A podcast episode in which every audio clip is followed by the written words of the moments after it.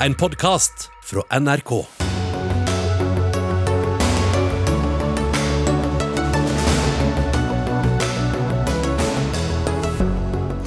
Statsadvokaten legger bort alle pendlerboligsakene.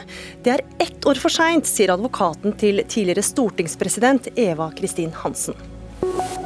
Han rakk å sitte i sjefsstolen i to måneder. Nå går Elon Musk av så fort han finner en arvtaker som citat, er tåpelig nok til å ta jobben som sjef for Twitter. En jobb de færreste vil ha, tror medieviter.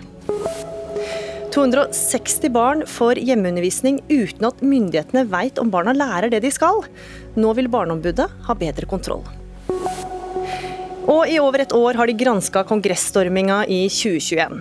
I dag legges hele rapporten fram. Men det er langt fra over med dette, mener jusprofessor. Ja, Det er noen av sakene i Dagsnytt 18 i dag, der vi også skal innom Zelenskyjs besøk i USA og strømstøtte for bedrifter. Jeg heter Gry Veiby. I dag kom altså svaret fra statsadvokaten. Ingen blir tiltalt i den såkalte pendlerboligsaken. Og Siden november i fjor har politiet etterforska om en rekke stortingspolitikere har gjort seg skyldig i bedrageri eller andre ulovligheter i forbindelse med denne saken. Og Aud Kinsarvik Gravås, du er statsadvokat ved Oslo statsadvokatembete. Hva er grunnen til at dere valgte å legge bort eh, pendlersakene? Det som har vært eh, avgjørende for vår avgjørelse, det er en tolkning av Stortingets vilkår for å gi representantene pendlerbolig. Når vi har sett på, på ordlyden i, i, de retningslinjene og sammenholdt den med hvordan reglene blir til, hvordan de har kommunisert, hvordan de er praktisert og formålet med reglene, eh, så finner vi at det ikke er noe vilkår at du ikke eier eller disponerer en bolig i Oslo.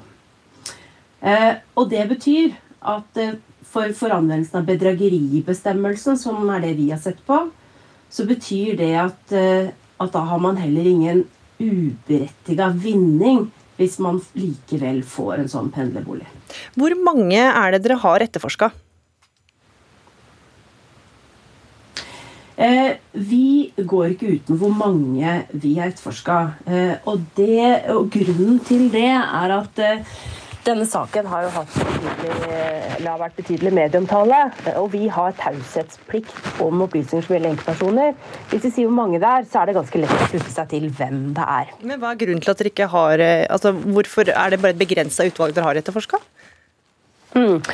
Vi, eh, altså det som er avgjørende for oss, det er jo hvilke, eh, hvilke, enkeltpersoner har det vært rimelig grunn eh, til å undersøke om de har gjort noe straffbart. Da ser vi på de opplysningene som vi har tilgjengelig når vi starta etterforskninga og underveis i etterforskninga. Og, og, da er det, er det de som, som, vi har retta, retta mistanken mot, som det er sånn rimelig grunn til å undersøke. Og Hvilke kriterier har dere lagt til grunn da? Er det etter hvor mange medieoppslag som er der, eller altså, hvordan har dere funnet ut av hvem det skal gjelde? Ja, nei, Det er en, en brei vurdering av, eh, av når, vi, når, det er sånne opplysninger om et, om et person og et, og et, forhold, at det er rimelig grunn til å undersøke. Blant dem som nå har fått eh, saken henlagt, det er tidligere stortingspresident Eva Kristin Hansen, som eh, sier at hun trakk seg som en følge av etterforskninga. Og Jon Christian Elden, du er advokat ved Elden advokatfirma og representerer Hansen. Hva var hennes reaksjon da hun fikk vite at alle disse sakene nå er lagt bort? Hun var jo lettet over det, og særlig over begrunnelsen, nemlig at det overhodet ikke forelå noe straffbart forhold som var til etterforskning i denne saken. Eh, den lovforståelsen statsadvokaten nå har kommet til etter 13 måneder, er den samme vi ga uttrykk for i november i fjor, eh, da denne saken ble aktuell.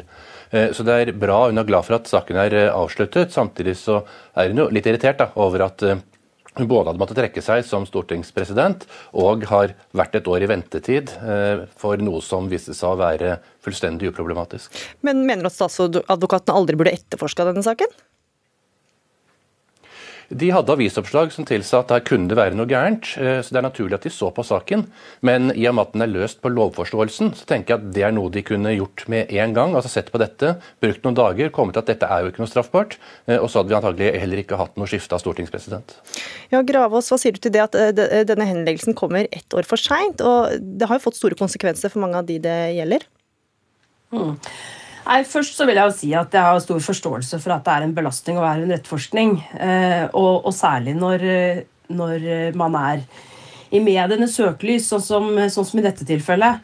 Når det er sagt, så har det vært viktig for oss å sette oss grundig inn i ikke bare reglene sånn som de ser ut på papiret, men som sagt også, også hvordan de er praktisert, kommunisert. Eh, så vi har innhenta en rekke opplysninger fra Stortinget, ganske stort, eh, stort informasjonsmateriale derfra. Eh, avhørt vitner, og ikke minst også avhørt de som har vært mistenkt. Men hvorfor har det tatt så lang eh, tid? Mm, det har tatt en del tid å innhente denne, disse opplysningene. Og så har det tatt en del tid å få gjennomført alle avhørene uten at uh, noen av de mistenkte kan lastes for det. Jeg skal understreke det.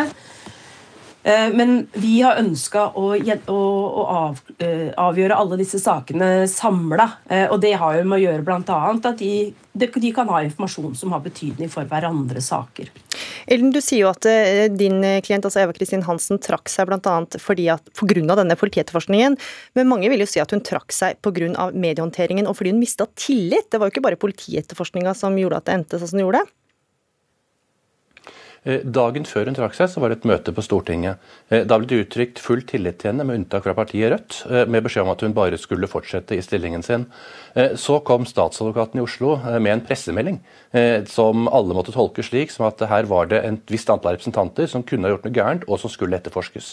Det var den direkte følgen eller årsaken til at hun måtte trekke seg. Og når det viser seg at den etterforskningsordren ble gitt på et juridisk uriktig grunnlag, så er det i beste fall uheldig. Mm, hva sier du til det, Gravås? Eh, jeg må bare understreke at jeg har ikke vært eh, involvert i, i vurderinga eh, bak den etterforskningsordren, så jeg kan ikke uttale meg konkret om det. Men, men når det gjelder det å innlede en etterforskning generelt, så har jo ikke en stortingspresident eller stortingsrepresentanter noen form for immunitet. Så Det er akkurat den samme vurderinga som man gjør hvis man skal iverksette en etterforskning mot alle andre borgere. Uh, og de, hvilke konsekvenser det får for deres verv eller stilling, det er i utgangspunktet ikke en del av den vurderinga som politiet eller påtalemyndigheten gjør når de velger å iverksette etterforskning. Og Ellen, du også er vel enig i at det må være likhet for loven? Helt åpenbart. Eh, og En del av det er at påtalemyndigheten bør vurdere spørsmål av straffbarhet før de eventuelt iverksetter etterforskning mot eh, enkeltpersoner. Mm. Og Det er jo et paradoks at det skal ta 13 måneder når man etterforsker Stortinget og landets lovgivende forsamling, mens hvis man f.eks. etterforsker tilsvarende for en komiker i Oslo, så tar det tre dager. Masud Gharahkhani, du er stortingspresident og politiker for Arbeiderpartiet. Hvordan reagerer du på denne beskjeden om at alle disse sakene nå er henlagt? Altså Jeg er jo glad for de det gjelder, at det er godt for de at de får denne konklusjonen nå. Det er ingen tvil om det at det har jo vært en stor utfordring for Stortinget som institusjon, men det er også en enorm belastning for de det gjelder. Eh, og det skal jo være eh, spørsmål rundt de ordningene vi har som politikere. Eh, og Sånn skal det være i tillitssamfunn, men det er ingen tvil om det at det har vært en enorm belastning for mange mennesker. Og at denne konklusjonen kommer, viser jo at det ofte ikke er svart-hvitt. At det er mange nyanser i saker. Så jeg er glad for at de nå har fått denne konklusjonen. Hvor sikre er dere på hvilket regelverk som gjelder nå? Altså, jeg tror jo alle de sakene vi har hatt den siste tiden, eh, viser jo at eh, både når det gjelder forvaltningen av ordningene, altså administrasjonen sin rolle, når det gjelder veiledningene, eh, som har vært mangelfulle, det ser vi jo også i skattesaken som nå er avklart nå nylig, hvor også skatteetaten selv har påpekt at de burde ha veiledet bedre. At det har vært ulike tolkninger av ordninger, også er ikke minst den enkeltes ansvar. Så når jeg ble stortingspresident for et år siden, så var det jo viktig, og det er jo de, den opprydningsprosessen vi nå er i gang med. Og Det er jo nettopp derfor vi har dette eksterne utvalget som nå rett over nyttår eh, legger fram sine forslag. Og Da skal det være forslag som handler om ordninger vi har på Stortinget, hvor det både er rettferdige ordninger, at det skal være en forutsetning for å gjøre jobben sin som folkevalgt, men det skal handle også om å ha ordninger som ikke er til å kunne misforstås, og at det er enkelt å både kontrollere de og kunne enkelt kunne veilede den enkelte representant om de. Elden, kan det komme erstatningssøksmål i etterkant av denne saken? Det er noe vi ikke har sett på ennå, og det er vel ikke det som er mest aktuelt. Det som har skjedd, har skjedd. Det har vært uheldig, og det må ikke skje igjen. Hva vil du, eh, Masud Gharahkhani, hva har denne, disse sakene gjort med tilliten til dere politikere?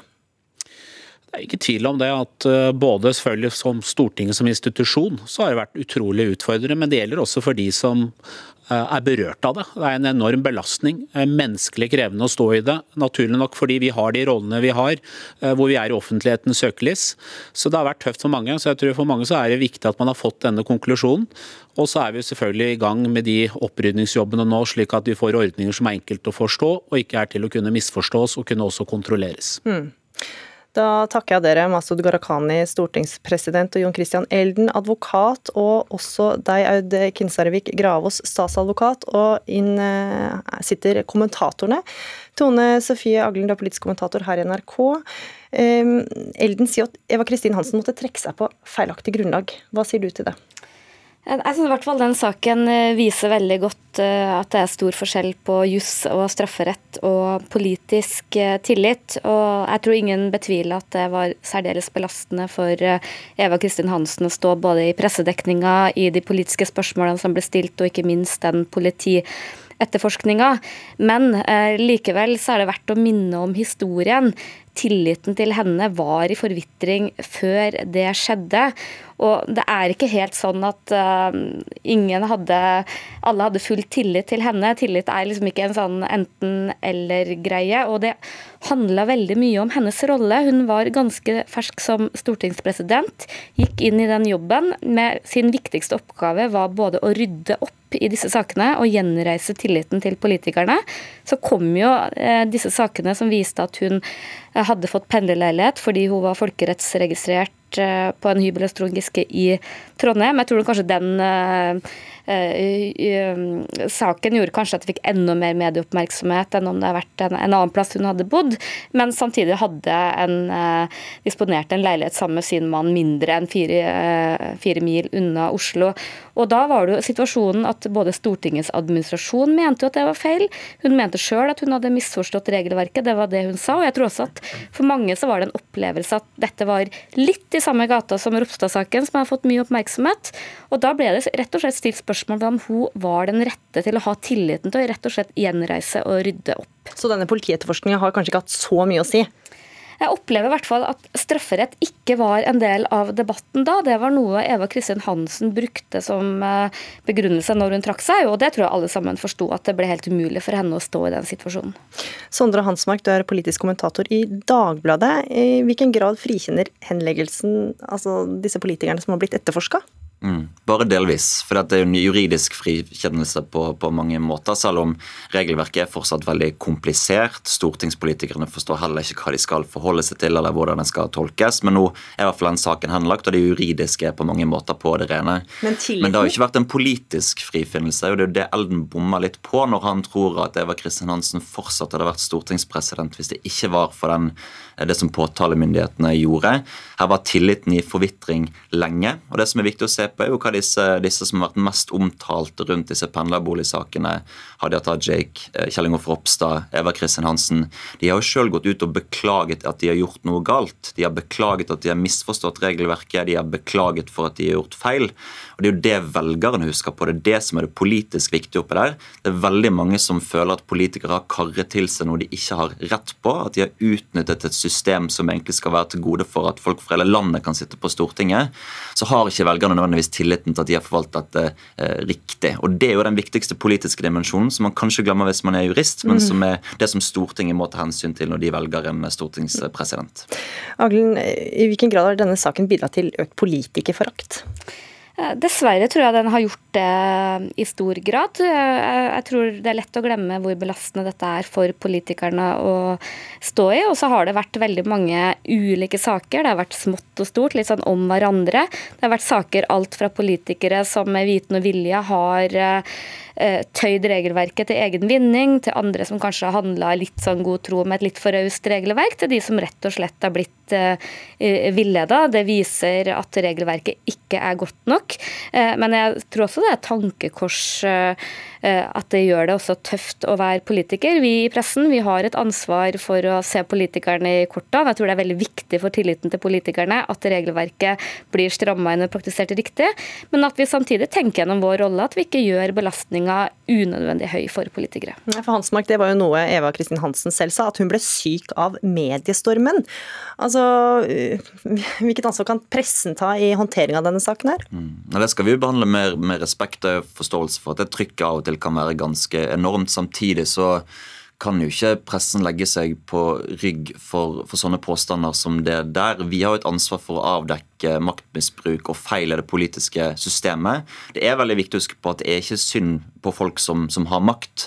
Og dette er stortingspolitikere som sjøl har vært med å utforme et ganske strengt regelverk for pendlere.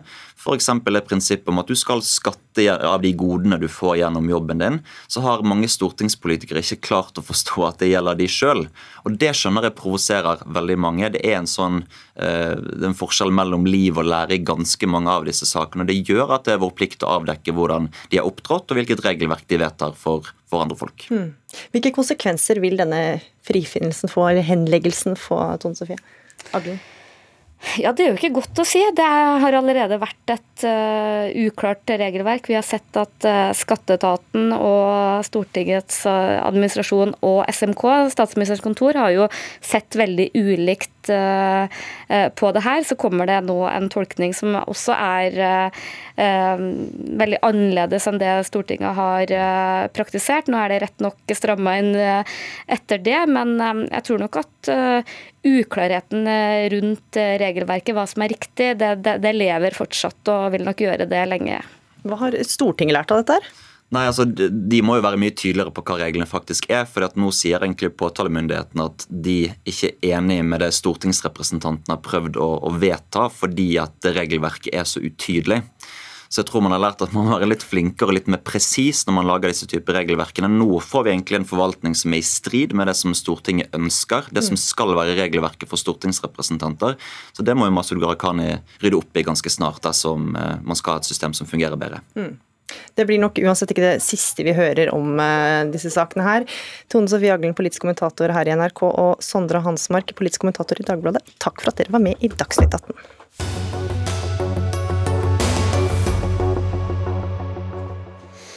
Mange ble sjokkert da Bergens Tidende og Aftenposten fortalte historien om Mathias sist uke.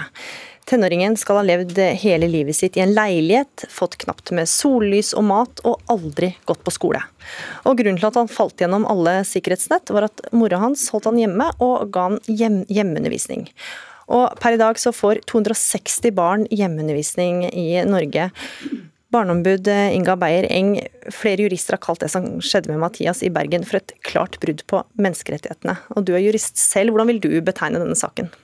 Ja, Nå kjenner jeg bare faktum fra media, men eh, hvis det er tilfellet at uh, han har uh, for den beskrivelsen som er riktig, så tror jeg vi absolutt kan si at han har fått et alvorlig brudd på sine rettigheter på mange, mange, eller på mange plan. Ikke mm. bare retten til utdanning, men eh, retten til eh, beskyttelse også. Mm. Det er jo da 260 barn som får hjemmeundervisning i Norge, mm. og det stilles ingen krav til formell kompetanse hos foreldrene, som altså velger bort skole for barna sine. Mm. Hvordan kan man være sikre på at disse barna ikke lider under det? Nei, jeg tenker at denne saken eh, minner oss på en del ting. og Det er jo at retten til utdanning det er kanskje en av de mest grunnleggende rettigheter barn har. Eh, for det er helt avgjørende for at de skal få et godt, eh, god barndom og en god, godt voksenliv. Og når man da åpner opp, sånn som vi gjør i Norge, for å ha hjemmeundervisning, at foreldre har det, så er det jo fortsatt stat og kommune som har ansvar for at barn får den forsvarlige opplæringen som de, eller utdanningen som de har krav på. Og da har vi løst dette i Norge ved at kommunene her har fått et ansvar for å føre tilsyn. Mm. Og det har de ved lov i dag. Og det jeg tenker når jeg har sett denne saken fra Bergen, er at jeg tror det er behov for at man eh, ser litt på hvilket skjønn kommunene har i utøvelse av dette tilsynet. At departementet bør se på at man bør stramme til tilsynet. og Da er det særlig to forhold som jeg syns er eh, verdt å merke seg. Det er retten eh, barn har til å bli hørt. Det er norsk lov i dag. Det må kanskje komme tydeligere fram overfor kommunene at det er en plikt de har. Og De har jo en rett til å bli hørt i alle saker som angår dem, og denne, dette angår dem i stor grad. Og Det andre er at jeg tenker at det er grunn til å se på om det også bør eh, legges strengere føringer på tilsynet i forhold til om eleven eller barna har læringsutbytte. Mm. Så lærer det det de skal. Eh, og så klart I noen saker så vil man se at dette går fint, dette, dette skrider fram akkurat som man hadde håpet. Men hvis man ikke fører kontroll med læringsutbytte, så vil man jo ikke se det. Man vil jo ikke kunne gripe inn når man ser at oi, her går det galt av sted. Så jeg, jeg vil oppfordre departementet å jobbe litt med en henvendelse dit på å se på her burde vi kanskje sørge for litt tydeligere regler til kommunene på hva som ikke er et skjønn, men som de skal gjøre. Mm. La oss holde oss eh, til kommunene. Kristin Holm Jensen, du er avdelingsdirektør for oppvekst, kultur og utdanning i kommunesektoren sektorens interesseorganisasjon, KS. Altså, Naboene til familien med den avmagra tenåringen de ringte barnevernet flere ganger. De ringte politiet, de ringte statsforvalteren. Men det er kommunen som holdes ansvarlig. Hva gjør dere med det? Ja, det viktigste vi tenker vi må gjøre for å unngå at sånne alvorlige saker skjer, det er å sette kommunene i stand til å ta det ansvaret de har på dette området. Og det må Hvorfor, vi gjøre. De det? Hvorfor gjør de ikke det i dag? Ikke sant? Det hender at det er svikt i kommunale tjenester på en måte som rammer utsatte barn og unge også. Det er alvorlig, og det må vi jobbe med, og det jobber kommunen med. Eh, hele kommunesektoren jobber med å bli bedre på dette. og Det handler jo særlig om å sette sammen flere puslespillbrikker av informasjon og kunnskap om et barns situasjon. Sånn at man får hele bildet og ser hva det barnet og den familien trenger. Og Det er jo der oftest svikten skjer, det er i overgangen mellom de tjenestene. Og, og Hvorfor skjer den svikten? Altså, du sier at det er overgang mellom disse tjenestene, men hva, det, hva, skyldes det? Ja, Det kan jo være at man sitter på litt ulike deler av informasjon sant, om barnets situasjon, og så er man kanskje ikke god nok til å samarbeide om å dele den informasjonen. Men det er også noe kommunene er godt i gang med å ta tak i nå. Veldig mange samordner tjenestene sine bedre, f.eks. i Familiens hus, hvor barnevern, familievern, eh, Eh, ja, og andre tjenester for barn og unge sitter sammen og jobber bedre på tvers for å gi et mer helhetlig tilbud. Og Det er vi opptatt av å støtte kommunene i å gjøre. Øystein Mathisen, stortingsrepresentant og medlem i utdannings- og forskningskomiteen for Arbeiderpartiet. Hvorfor stilles det ingen krav til formell kompetanse hos foreldre som altså velger bort skole for barna sine?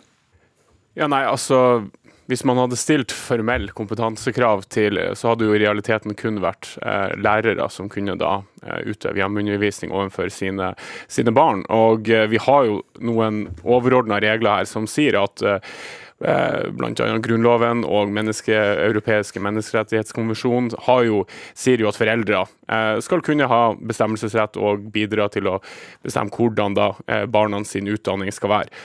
Eh, og det er noen da eh, som føler de har gode grunner til eh, å utøve hjemmeundervisning. Jeg mener at det beste er for alle unger å være i fellesskolen og møte andre unger, få venner. Både lære det faglige og det sosiale som man får på skolen.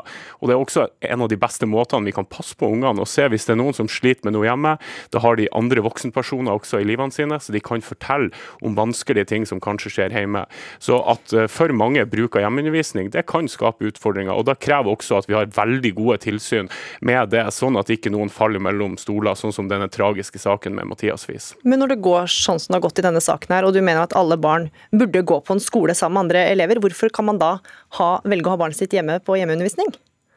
Altså, nå, vi, eh, nå, er det vel ingen egentlig som sitte i denne debatten som mener at vi skal fjerne muligheten for hjemmeundervisning. Uh, det står allerede i opplæringsloven, og det har jeg heller ikke hørt en stor press på at man skal fjerne. Men vi må ha bedre tilsyn. Vi må sørge for at der ungene ikke lærer, og der ungene har det forferdelig hjemme, da må eh, tjenestene komme inn. Og vi må ha et tilsyn som kommer inn tidlig, det må være ofte nok, og det må også møte ungene.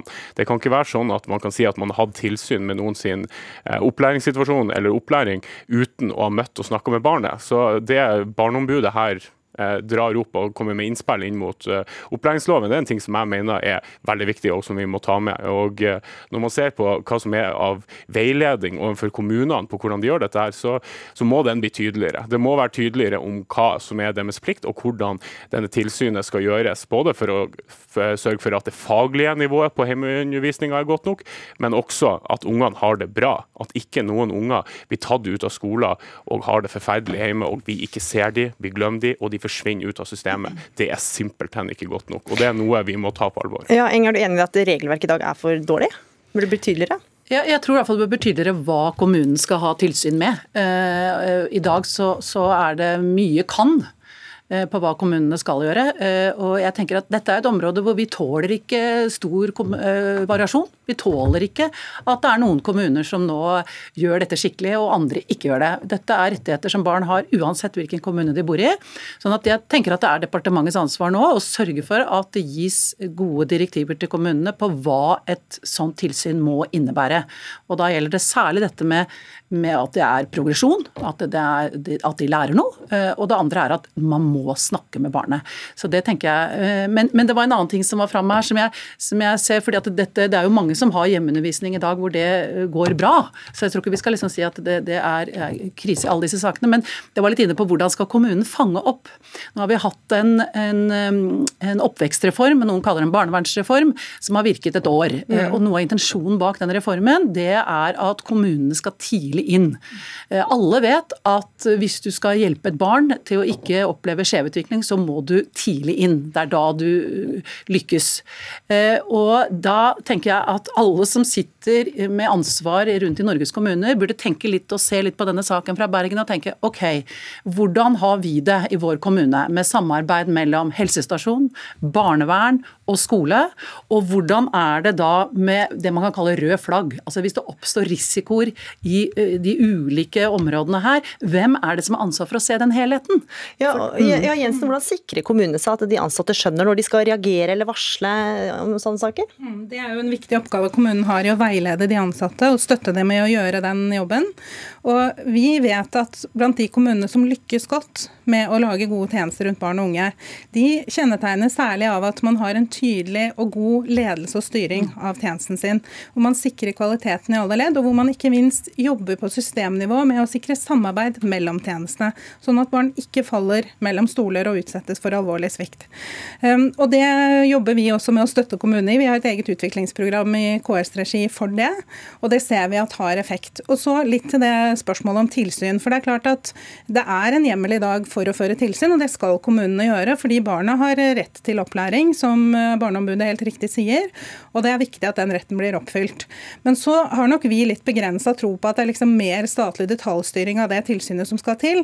Det er de som jobber tett på barn og unge, som ser deres situasjon, som er best i stand til å vurdere om man må ha tilsyn hver uke eller en gang i året, litt avhengig av hvordan situasjonen er. Og som ikke minst må sette den informasjonen sammen med annen kunnskap man har om barnet, for å sørge for at det blir fanget opp og få god hjelp. Mm. Mathisen, hva tenker du om eh, sterkere statlig kontroll? Altså, vi, eh, Når ting fungerer, så trenger jo ikke staten å sette detaljerte rammer for kommunene på hvordan ting skal gjøres. Eh, og eh, man ser jo sånn som nå, eh, så har jo Bergen endra sine praksiser på hva et tilsyn skal inneholde. Det er bl.a. at man skal snakke med barnet, man skal ha oftere tilsyn. Men man kan heller ikke la det skje forferdelige saker før man gjør dette. Så om man gjør dette i form av lov, eller om man gjør det i en forskrift, eller man lager gode veiledere for kommunene om hvordan et godt tilsyn kan gjennomføres. For Det som er litt sånn utfordrende, det er at eh, det kan være kommuner som har i en kort periode barn som er på hjemmeundervisning, og så har de det ikke, og så kan det være noen år til du har det på nytt igjen. For det er akkurat som det er nå, 260 eh, elever som, som, er ute i, som har hjemmeundervisning 100 Og eh, Det tallet har gått opp og ned. Det har vært fra under 100 til litt over 300 de siste 20 årene. Så det er stor variasjon. Og vi har jo 300, over 350 kommuner i Norge. Så, så, man må sørge for at man har den kunnskapen om hvordan god tilsyn skal gjennomføres, og at det blir i kommunen, selv om man ikke på dette tidspunktet eller på et tidspunkt har unger som er ute i, som er i hjemmeundervisning. Mm. Uh, og så er det mye kommunen kan gjøre for å forhindre uh, at barn ender opp med å uh, velge det valget om å gå i hjemmeundervisning. Det kan være ting som gjør at man trives dårlig på skolen, at det fungerer dårlig i skolemiljøet. kommunene burde kobles på tidlig da og se på bedre løsninger enn at barnet trekkes ut av skolen. For man går glipp av noe når man ikke lærer sammen med andre og er en del av det fellesskapet som skolen er. Så skolen er det viktigste og eh, det har du allerede fått sagt. Det, det nikkes og ble nikka heftig i studio her, så vi setter strekk med det. Inga Beyer-Eng, barneombud, Øystein Mathisen eh, fra, eh, ja, fra Arbeiderpartiet, og Kristin Holm Jensen fra KS, takk for at dere var med i Dagsnytt 18.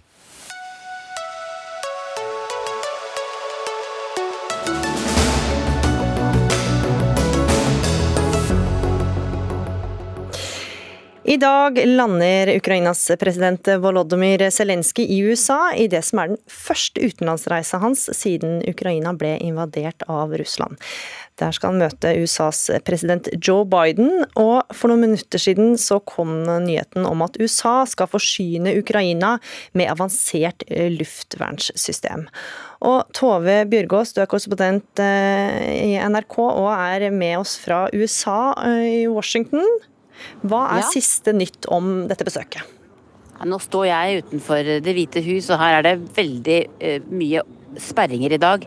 De har stengt av hele området foran Det hvite hus.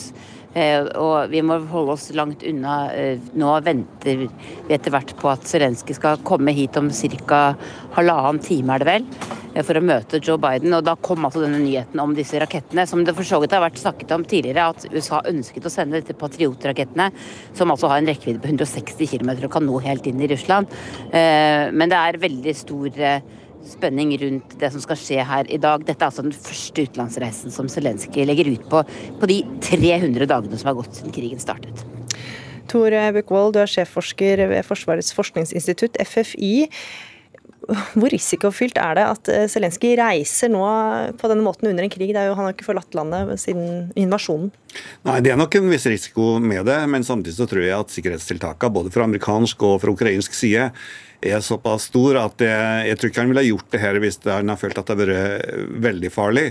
Men samtidig så gjør han det nok og delvis for å demonstrere at han er såpass modig at han gjør det til tross for faren. og Det, det følger jo inn i en rekke med besøk han har gjort i det siste, bl.a. til byen Bakhmut, som ligger helt på frontlinja. For denne reisen er av stor symbolsk betydning? Ja, den er det. Jeg tror det, det er ikke det viktigste. Det viktigste er jo den amerikanske hjelpa, men symbolikken tror jeg òg er betydningsfull her.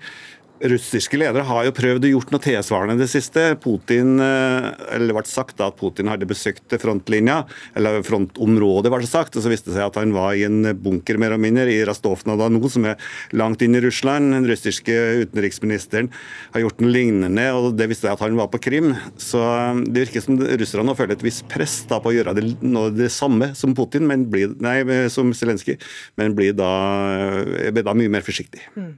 Men Bjørgaas, dette besøket besøket er også viktig for eh, USA?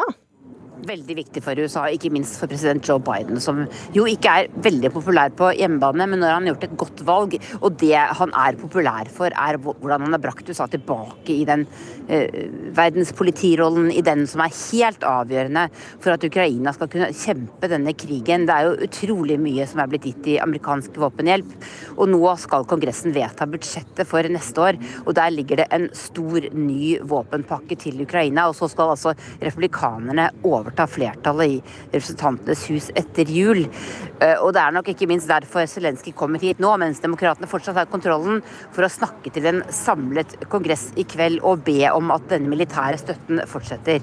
For det er en del politikere i det republikanske partiet som mener at USA ikke skal bruke så mye penger på denne krigen, men det mener altså eh, Biden at man skal. Så kan man da si at besøket hans er litt kontroversielt?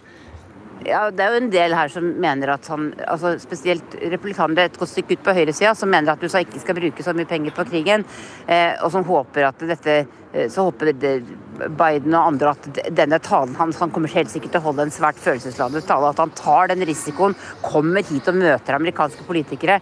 At det skal få alle til å skjønne at USA er nødt til å fortsette å spille denne rollen. Mm. Bokvold, eh, hva vil det ha å si at Ukraina nå får mer våpenhjelp? Ja, Det er helt avgjørende for Ukraina å fortsette å få våpenhjelp, sannsynligvis i veldig lang tid. Eh, det at får Patriot, som da er et luftforsvarssystem, eller et luftvernsystem, er viktig. fordi at eh, det kan hjelpe Ukraina til å skjøte ned flere av her rakettene som blir sendt inn mot landet, og som ødelegger for eh, infrastrukturen og gjør det vanskelig for sivilbefolkninga. Så kan det òg være snakk om andre våpensystem, det vet vi ikke helt i detalj ennå. Det finnes jo en del våpen som Ukraina ønsker å få, men som USA så langt har vært nølende mot å gi, f.eks. veldig langtrekkende artilleri. Som kan nå Russland, blant annet? Det kan nå Russland, og det er nettopp derfor at USA har vært veldig nølende med å gi det. Det er ingen tegn på at USA har endra posisjon på det ennå, men samtidig så har vi jo sett en, en politikkendring gjennom denne krigen, der våpensystem som på et tidspunkt var, ble erklært som ikke aktuelt å gi, senere havertid. Så det er nok noe av det så, og som ukrainerne ser på som en erfaring, da, at eh, et visst press lønner det seg å holde opp. Og Russlands president Vladimir Putin han har jo også reagert, eh, kommet med en tale i dag og sier at eh, krigen i Ukraina kommer til å fortsette til målene er nådd. Hvordan vil du beskrive budskapet hans? Ja, Det er det egentlig samme budskapet som vi har hørt hele tida. Putin kan ikke si noe annet. Putin er en autoritær mann. Han kan ikke vise noen form for svakhet. Og så tror jeg det er en viss sånn taktikk i det her. At han tenker at vi vil vinne til slutt, fordi at vi, altså Russland, har større utholdenhet enn både Vesten og Ukraina. Og Hvis vi bare hamrer på det budskapet om at vi aldri gir oss, så vil det, oss, så vil det være med på å gjøre både Vesten og Ukraina mer forhandlingsvillig etter hvert. Men så sa han jo også noe som gjorde at mange ble litt engstelige. Han sa at Russ, uh, Russlands forsvarsminister sa at de vil opprette en ny forsvarsenhet i nordvest, altså i Norden. Hva ligger i det? Nei, det, det, hadde de gjort før, når de gjorde Nordflåten til et uh, eget militærområde eller militærdistrikt. Jeg tror ikke det ligger så mye i det. Det er mer òg en form for symbolsk uh, ting. Altså, de har nå det våpenet de har, de har det mannskapet de har. De har for så vidt over veldig lang tid prioritert uh, forsvar òg i nordområdene. og Det vil de sikkert gjøre, men de har jo ikke ubegrensa med ressurser til å bare pøse på der. Så det er ingen grunn til bekymring, egentlig? Jeg er ikke så bekymra for det. Det er stor grunn til å bekymre seg for krigen som pågår. Mm. Tor Bukkvold, eh, sjefforsker ved Forsvarets eh, forskningsinstitutt, takk for at du var med i Dagsnytt 18. Og Tove Bjørgaas, korrespondent i USA, takk for at du var med nå. Du skal være med igjen snart, du skal få en liten pause først.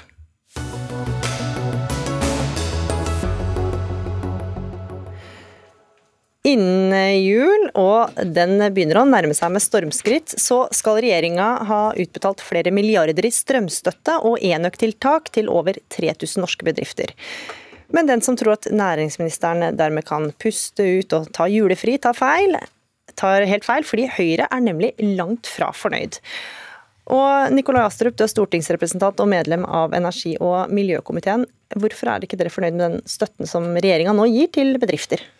Nei, Det vi er opptatt av, det er at eh, fastprisavtalene som næringsministeren har lovet at skal være redningen for bedriftene, de ser ikke ut til å levere i henhold til det han har lovet.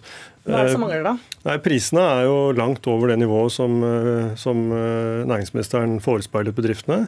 Det er også sånn at du må binde deg minimum for tre år, eller fem år eller syv år.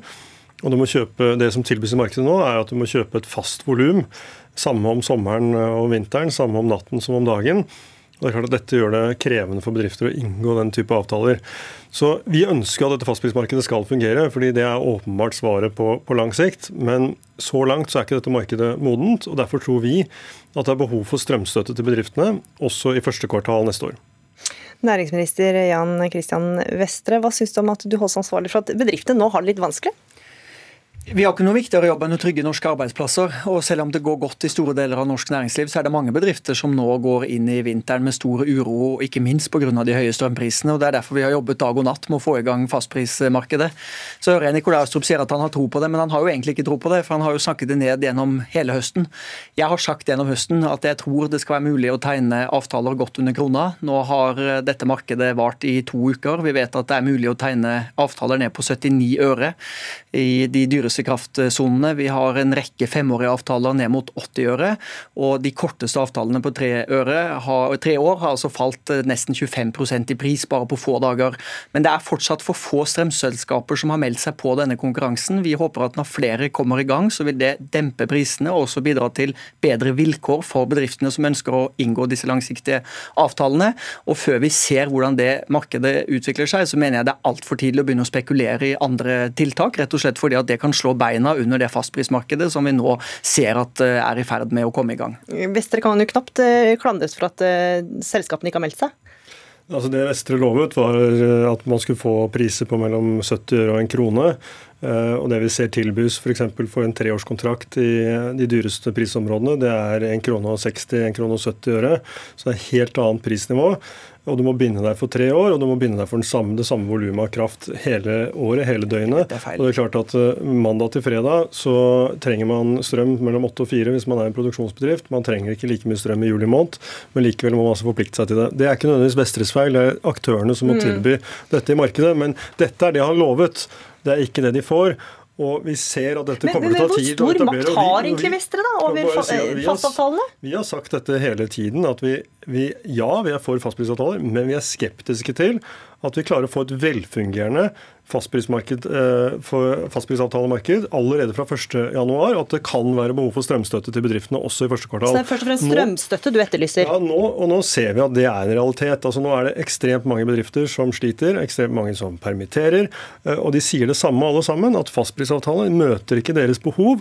Og den strømstøtteordningen som Vestre hadde for fjerde kvartal i år, møter heller ikke deres behov. Det var jo bare 1000, ca. 1000 bedrifter som søkte på den rene direkte strømstøtten, altså de som har mest eh, akutte likviditetsproblemer fordi de ikke har råd til å eh, investere i enøktiltak. Og de deler da på 74 millioner kroner. Så det er klart vi må ha en strømstøtteordning som treffer flere, og hvor de som får, får mer.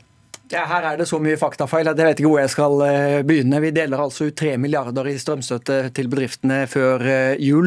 Og eh, det er alle, alle Kan jeg få forklare, svare Mm. på noen av, av disse påstandene dine nå, Nikolai Astrup? Alle bedrifter som har søkt, får altså støtte. Og jeg syns det er flott at mange av de som har søkt, også har bedt om enøkbistand. Det gjør at vi med energitilskuddsordningen kan redusere strømforbruket til norske bedrifter tilsvarende Kristiansand befolknings innbyggertall. Da gjør vi noe med problemet, ikke bare med symptomer. Så er det riktig, vi har håpet og trodd at avtalene skal ned på under krona, men der er de altså. Og det er bare etter to uker med konkurranse. Så skal altså Nikolai Astrup, som ellers tror på markedet, gi opp og gå inn i jula med den pessimismen der. Jeg, jeg fatter det ikke. Gjennomsnittlig spotpris i NO1, altså Østlandet, var i fjor 76 øre. Det var før krigen i Ukraina brøt ut og vi hadde en energikrise. Nå kan du også tegne langsiktige, forutsigbare avtaler for tre øre mer enn det som var gjennomsnittlig spotpris i fjor.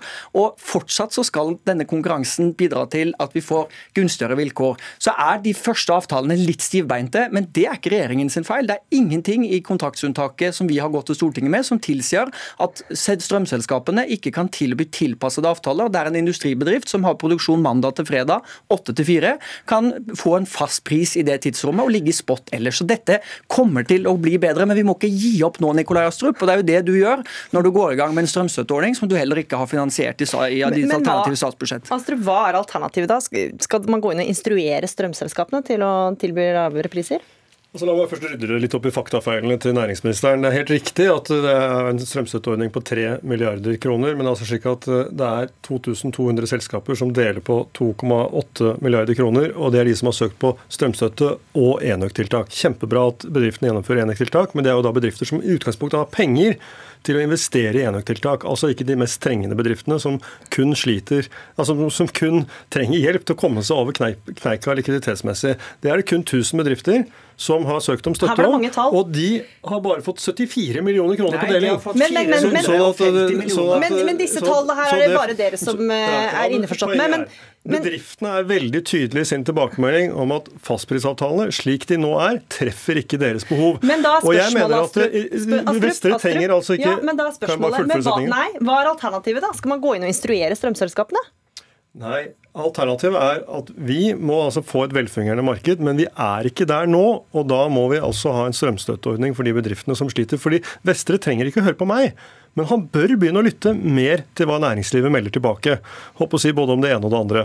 Men også om dette, fordi de er veldig tydelige i sin tilbakemelding til oss at fastprisavtalene, slik de nå er utformet, det som nå tilbys, det treffer ikke deres behov. Og de må forplikte seg for tre år, fem år eller syv år. Og det er det regjeringen som kan gjøre noe med. De kan gi mer fleksibilitet, slik at man kan tilby mer kortsiktige All- all avtaler. fleksibiliteten Og er for der. å- Og Når det gjelder tre og fem og sju år, så var det noe som ble sendt på høring i sommer. Og det var ingen aktører som meldte om behov for kortere avtaler enn tre år. NHO hvor- har gjort en medlemsundersøkelse som viser at det er mange bedrifter som kan tenke seg å tegne en fastprisavtale på tre år. Og nå skal Nikolai Astrup skru på det, og når vi eventuelt skrur på det, så er det noe annet og det tredje og det fjerde.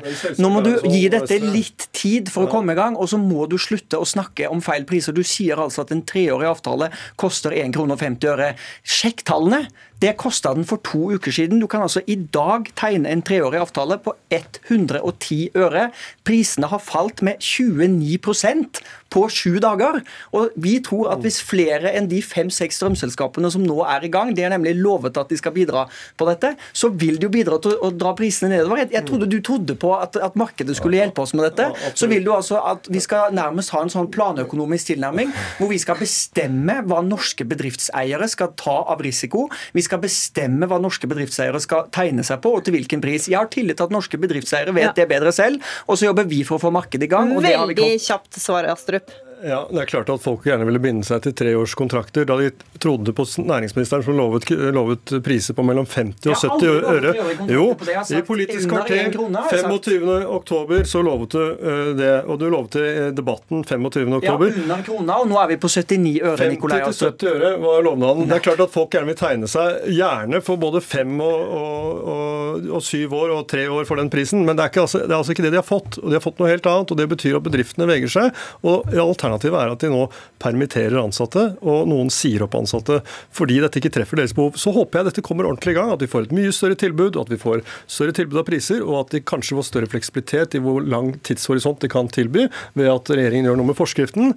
Og da da kan vi eh, kanskje få dette til å fungere. Men i mellomtiden ja. så vil det være behov for støtte, og vi har satt av en solid buffer i vårt alternative statsbudsjett på 5 milliarder kroner. Og nå må jeg faktisk sette strek. Takk for at dere var med i Dagsnytt 18, Jan Christian Vestre, næringsminister fra Arbeiderpartiet, og Nikolai Astrup, stortingsrepresentant fra Høyre. Dere får fortsette med talldiskusjonen og prosentene og hvem som sa hva når utafor.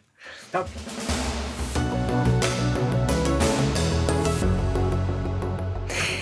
I dag offentliggjøres den endelige rapporten til 6. januar-komiteen, som har granska storminga av den amerikanske kongressen for snart to år siden. Og Komiteen har allerede sagt at de anbefaler Justisdepartementet å sikte den tidligere amerikanske presidenten Donald Trump. Og Tove Bjørgaas, fortsatt USA-korrespondent, eh, fortsatt med oss eh, fortsatt med oss fra Washington. Eh, hvilke, hva vet vi om hva som kommer til å komme fram i denne rapporten? Vi vet jo allerede at denne komiteen anbefaler at Donald Trump blir tiltalt på fire punkter, bl.a. for å ha gjort opprør mot den amerikanske staten. Eh, en tiltale som kunne innebære at han aldri kunne stille til valg igjen. og også han kan ende opp med en 25 års fengselsstraff, rett og slett. Men det er altså opp til Justisdepartementet om de vil, eh, om de vil ta denne til, denne, dette forslaget til følge og begynne en etterforskning og tiltale Trump. Men vi, vi vet jo også ganske mye om hva vitner har sagt. Det har vært høringer her. Eh, sammendraget av rapporten kom for et par dager siden. Men det vi får vite i dag, er nok hvilke andre mennesker komiteen kan tenke seg å tiltale. Og så skal det også offentliggjøres mange, mange timer med vitneavhør eh, fra denne komiteen, som har gjort et svært omfattende arbeid. Sofie Høgestøl, førsteamanuensis i rettsvitenskap ved Universitetet i Oslo. Komiteen anbefaler altså å straffe Donald Trump, eller sikte han. Hva har det å si at eh, denne komiteen anbefaler det? Ingenting juridisk. Altså, dette er en politisk oppnevnt komité. Og de har ikke makt til å tiltale noen. Det er det Justisdepartementet i USA som har. Så Justisdepartementet vil jo få um, denne anbefalingen deres. Men det er de som skal ta den endelige avgjørelsen om hvem som blir tiltalt eller ikke i denne saken. Ja, Hva skal til for at de tar anbefalingen, da? Det er jo det store spørsmålet. Og den, og den etterforskningen mot Trump den lekker ikke så mye, så vi har ganske lite innsikt i hvor langt de har kommet med dette og hvor interessant eh, det kongresskomiteen har kommet opp med, er for dem. Men det vi vet, for det har lekket litt i media, det er at de har intervjuet en del av de vitnene som 6. januar-komiteen har intervjuet. Så de har sett på dette arbeidet før. Og det er klart, de kommer nok til å være interessert i det, dette omfattende bevismaterialet som Tove nå snakker om, som, de, som, kommer til å bli offentliggjort, som vi kan lese, men som også vil da være tilgjengelig for etterforskerne. Mm, men de har jo også, altså departementet har jo også allerede egne granskninger på gang. Eh, hvilken betydning kan det ha for hva departementet lander på? Altså, den Granskingen deres som kommer til 6.1, den er massiv. Den største etterforskningen i FBIs historie, som sier litt, for de har etterforsket store saker før. Og de har jo allerede igangsatt etterforskninger og tiltalelser mot noe sånt som 900 personer. Men kritikken har vært at mange av de er jo de mindre personene som fysisk var i Kongressen, men at det har vært lite mot politisk ledelse. Eh, og, og, toppen, liksom. Og da er jo Trump på toppen av den pyramiden som han er interessert i. Eh, så presset det, det, En av de tingene denne henvisningen fra um, Kongressen gjør, det er jo å putte et større press på Justisdepartementet. Nå har det gått to år. Nå må dere også komme litt lengre på disse toppsakene og, ta, og avklare om dere har lyst til å gå videre med siktelser i de sakene også. Men Hvilke dilemma står de overfor når de skal anbefales å straffe en som faktisk ikke var til stede?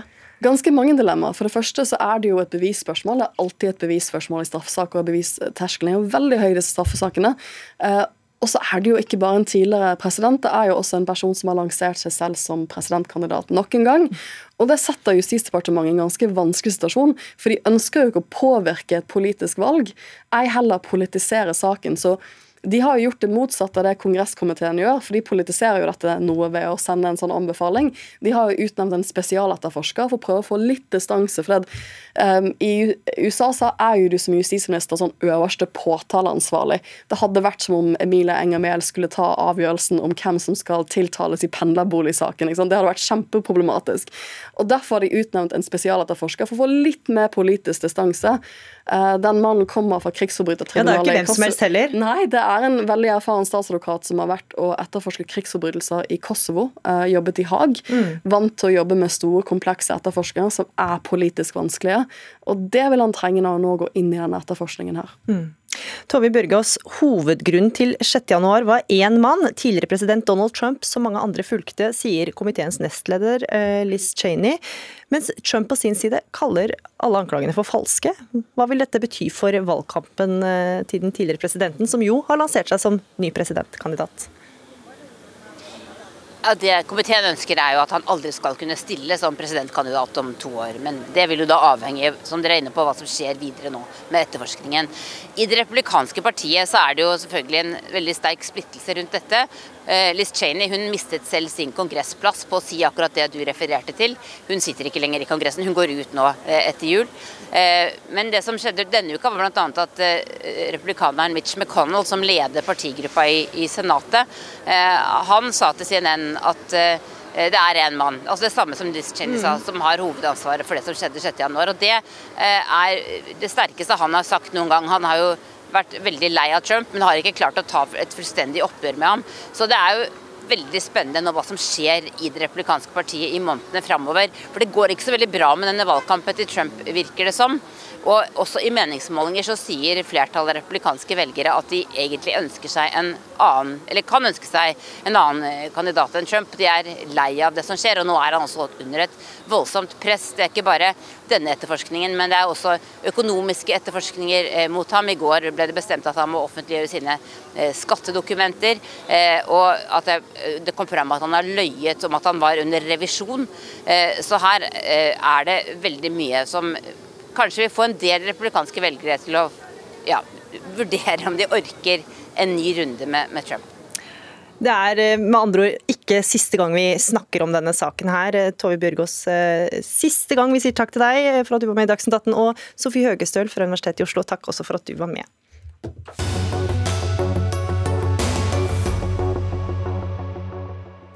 Det har vært en berg-og-dal-bane, men nå ser det ut til at Elon Musks Twitter-eventyr går mot slutten. Knappe to måneder etter at han kjøpte opp det sosiale medier-stedet med den lille hvite fuglen i logoen, så sier han at han nå vil trekke seg som toppsjef. Vel å merke dersom han finner noen som sitat, er tåpelig nok til å ta jobben. Martin Gundersen, du er journalist og skriver om teknologi og medier i NRK Beta. Hvor lett blir det å finne en arvtaker, tror du? Han har jo et veldig dårlig utgangspunkt eh, når det er sånn han melder det ut. I tillegg til at han tok over selskap for bare to måneder siden, og siden det har han klart å sparke flesteparten av de ansatte i flere runder. Og han har klart å eh, havne i mange unødvendige konflikter om hvordan man skal styre plattformen. Så han har blitt veldig kontroversielt, og selskapet sliter veldig. Ida Ollen, medieviter eh, som har spesialisert seg på sosiale medier. Og alt dette her at han vil gå av nå, kommer jo pga. en meningsmåling han selv lanserte på, på Twitter. Eh, der godt over halvparten av tvitrerne svarte ja, han burde gi seg. Men hvor sannsynlig er det at han faktisk kommer til å gjennomføre det?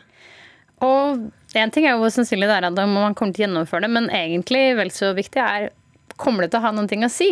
Fordi Musk har jo kjøpt eh, Twitter og er den eneste eier, og som vi nå liksom allerede har fått se de siste ukene og månedene, er jo veldig glad i å blande seg i detaljene. Så sannsynligheten for at en ny eh, CEO faktisk skulle få lov til å være sjefen, og ikke hele tiden få beskjed fra sidelinja fra den egentlige eier om hva han han eller hun burde gjøre annerledes. Eh, så sånn så kan, tror jeg kanskje at denne som ville få denne CEO-jobben, kanskje blir litt mer sånn daglig leder eller sekretærjobb. Musk kommer ikke til å klare å slippe taket? Nei, det, det ville blitt sjok det, da blir jeg sjokkert. Da blir jeg faktisk overbevist. Han virkelig overraske meg hvis han klarer å trekke seg tilbake. Jeg vet ikke hva du tror, Martin? Nei, og Det er jo mange grunner til at han har kommet opp i kontroversen, det er fordi han har hatt så sterke meninger om hvordan plattformen skal se ut. Og han har hatt meninger som er på veldig sånn på tross av eh, det de fleste eh, vil mene er en sånn sunn måte å skrive sosialt medium. Sånn at eh, Det er nesten vanskelig å se for seg at noen vil kunne drive et sosialt medium som oppfattes litt kjedelig styrt, med Ellen Musk som eier. Sist dere var her i studio, for da var jo dere faktisk sammen, var i oktober. Eller sist dere to var her sammen, for du var jo etter det. Så det, det var da det ble kjent at Musk kjøpte opp Twitter. Så sa du, Martin Gundersen, at det var Han trolig kommer til å bli lei etter kort tid. Er det det vi ser nå? Er han lei, liksom? Vi det i hvert fall en person som er sliten etter å ha klart å rote seg bort i nye kontroverser hele veien. For Han har jo på en måte hatt et grunnkurs i innholdsmoderering på internett. Og han har på en måte ikke bestått det grunnkurset, for han har alltid klart å vikle seg inn i en ny, større skandale. Sånn at eh, Det vil være sunt for selskapet at han finner noen andre til å ta over og trekke seg ut, men det virker jo ikke som han er helt eh, ferdig ennå. hva vil du si, Hvordan har selskapet endra seg i denne korte tida han har vært sjef? Eh, den er jo litt mer kaotisk og mer uforutsigbar, men på en måte også mer underholdende. For det er jo liksom sånn de siste dagene på en måte før eh, ting man lurer på hvor lenge det eh, kan vare. Og så er det jo tydelig at annonsørene de trekker seg tilbake, lurer på hva som kommer til å skje. Og så er det jo så lenge når nettopp plattformen blir så uforutsigbar som den har vært, så er det jo klart at også det som ellers Twitter har vært kjent for, da, verdensledere eller journalister eller store kjendiser, stiller spørsmålstegn ved om dette er riktig plattform å investere tida si av, fordi at uh, reglene hele tiden kan endres. da. Mm. Hva har det gjort med omdømmet til Twitter, Gundersen? Altså, det har vært et sted hvor eksperter fra hele verden kan dele meninger, og et sted hvor folk som er opptatt av nyheter, kan lese kilder fra liksom rundt omkring i verden uten å følge en spesifikk publikasjon. Eh, og Veldig mye av det er under fare hvor enten brukere oppgir at de vil prøve noe annet, eller jeg tror kanskje også en stor andel har gått litt lei og bare er litt mindre aktive på plattformen uten at de har funnet et alternativ. Mm. Er det noe du ser, Ollen, at det forandra seg mye? Ja, altså Reglene endrer seg jo hele tiden, og så mye til den grad at eh, hvis de nye EU-reglene hadde vært på plass, så hadde det nesten vært ulovlig å endre reglene så fort som man gjør. fordi at eh, man kan si noen ting, og så ble det plutselig ulovlig i løpet av 24 timer, og så er man sparket ut, osv.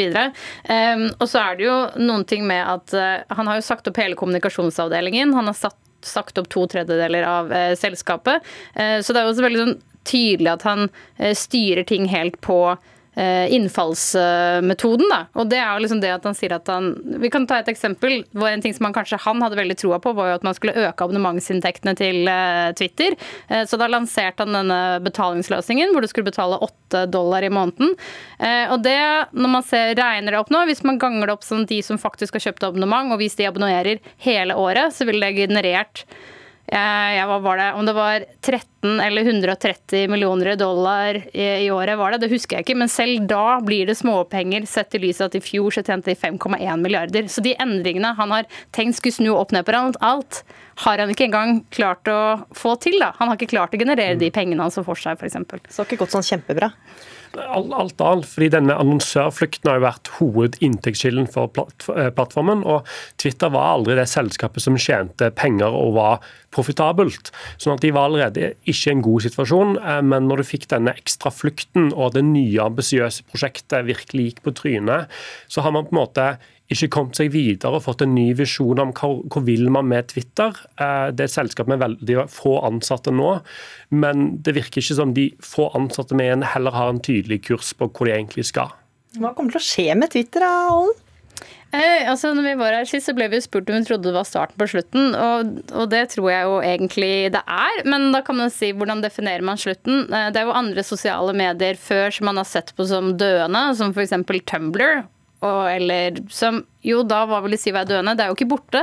Det lever på en måte i beste velgående, men eh, at Twitter vil fortsette å bli nevnt i samme åndedrag som de andre store aktørene, det virker på en måte mindre og mindre sannsynlig, tenker jeg, over tid. Det blir et litt mer sånn litt sånn rart, rotete sted, en litt sånn shabby bule, hvor kanskje man av og til drar for å se hva som skjer, men kanskje ikke liksom den store verdensscenen sånn som de har framstilt seg tidligere. Er det noen som vil ta over Twitters posisjon, da? Altså, det kan godt være at det er et uh, privat selskap som kjøper selskapet for en veldig billig penge. Uh, det kan òg være at uh, Musk fortsette å kjøre selskapet videre nedover. Det er ganske uvisst hva som egentlig er planen der, men det er ingenting som tilsier at dette er et selskap som på kort sikt blir stabilt eh, og vil klare seg fint på egne bein. Men hvis man får en ny sjef, da? Ja, Det blir spennende å se om man får eh, eh styre sjøl. Takk for at dere var med i Dagsnytt 18. Martin Gundersen, journalist i NRK Beta, og Ida Aalen. Dagsnytt 18 er over. Vi takker for følget. Gro Arneberg, Eli Kyrkjebø og Gry Veiby.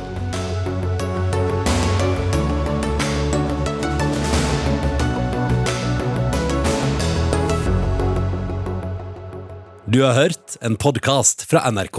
Hør flere podkaster og din favorittkanal i appen NRK Radio.